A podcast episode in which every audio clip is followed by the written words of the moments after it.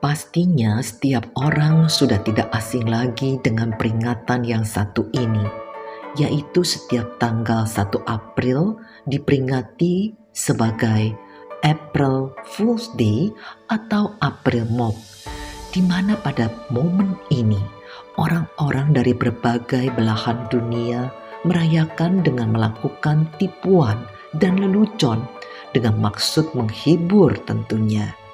Pada peringatan ini biasanya mereka berlomba-lomba membuat lelucon yang paling heboh dan menggemparkan. Perayaan April Mop masih sangat terasa kental terjadi di Eropa dan Amerika Utara. Berbeda dengan April Mop yang dirayakan seperti cerita di atas. Saat ini, kabar bohong dilakukan hampir setiap saat yang kita kenal dengan berita hoak.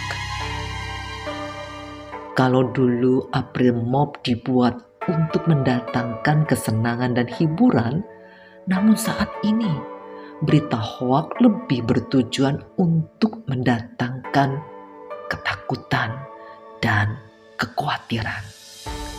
Banyak pemutarbalikan kebenaran yang disebarkan melalui kebohongan dengan tujuan jahat, sehingga diharapkan berita bohong yang diulang-ulang pada akhirnya membuat orang bingung dan menganggapnya sebagai kebenaran. Sebagai orang percaya, kita diminta tidak sekali-kali melakukan kebohongan.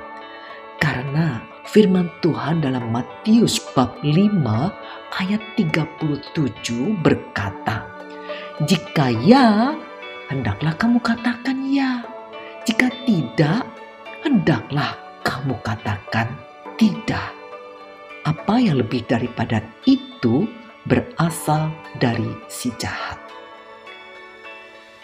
Kejujuran berkaitan erat dengan kemampuan untuk mengatakan sesuatu yang benar. Benar dalam arti apa yang diungkapkan sesuai dengan realitas atau apa yang ada dalam realitas. Itulah yang diungkapkan melalui pernyataan. Bukan sesuatu yang direkayasa untuk mengaburkan kebenaran melalui hoak atau berita bohong.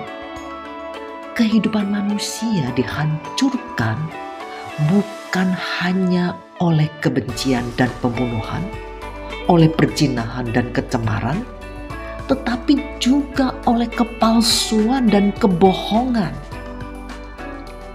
Sejak zaman Perjanjian Lama, hoax sudah menjadi salah satu hal yang dilarang oleh firman Tuhan.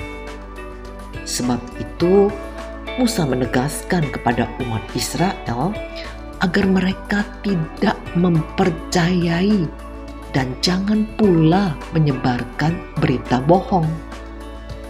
Janganlah engkau menyebarkan kabar bohong. Janganlah engkau membantu orang yang bersalah dengan menjadi saksi yang tidak benar. Berbohong dengan alasan apa pun adalah salah, terlebih ketika seseorang menyebarkannya maka kebohongan akan menjadi sebuah kejahatan di mata Tuhan. Kita semua pasti ingat akan firman Tuhan melalui hukum Taurat yang kesembilan. Jangan mengucapkan saksi dusta atas sesamamu. Tuhan Yesus kembali menegaskan apa yang tertulis di hukum Taurat dengan lebih mempertegasnya dan menginginkan agar umatnya menyebarkan kebenaran, bukan kabar bohong. Jika orang di luar Tuhan terbiasa menyebarkan berita bohong, maka hal ini tidak boleh dilakukan oleh umat Allah. Jadi, masihkah kita merayakan April Mop walau sekedar guyon dan lucu-lucuan?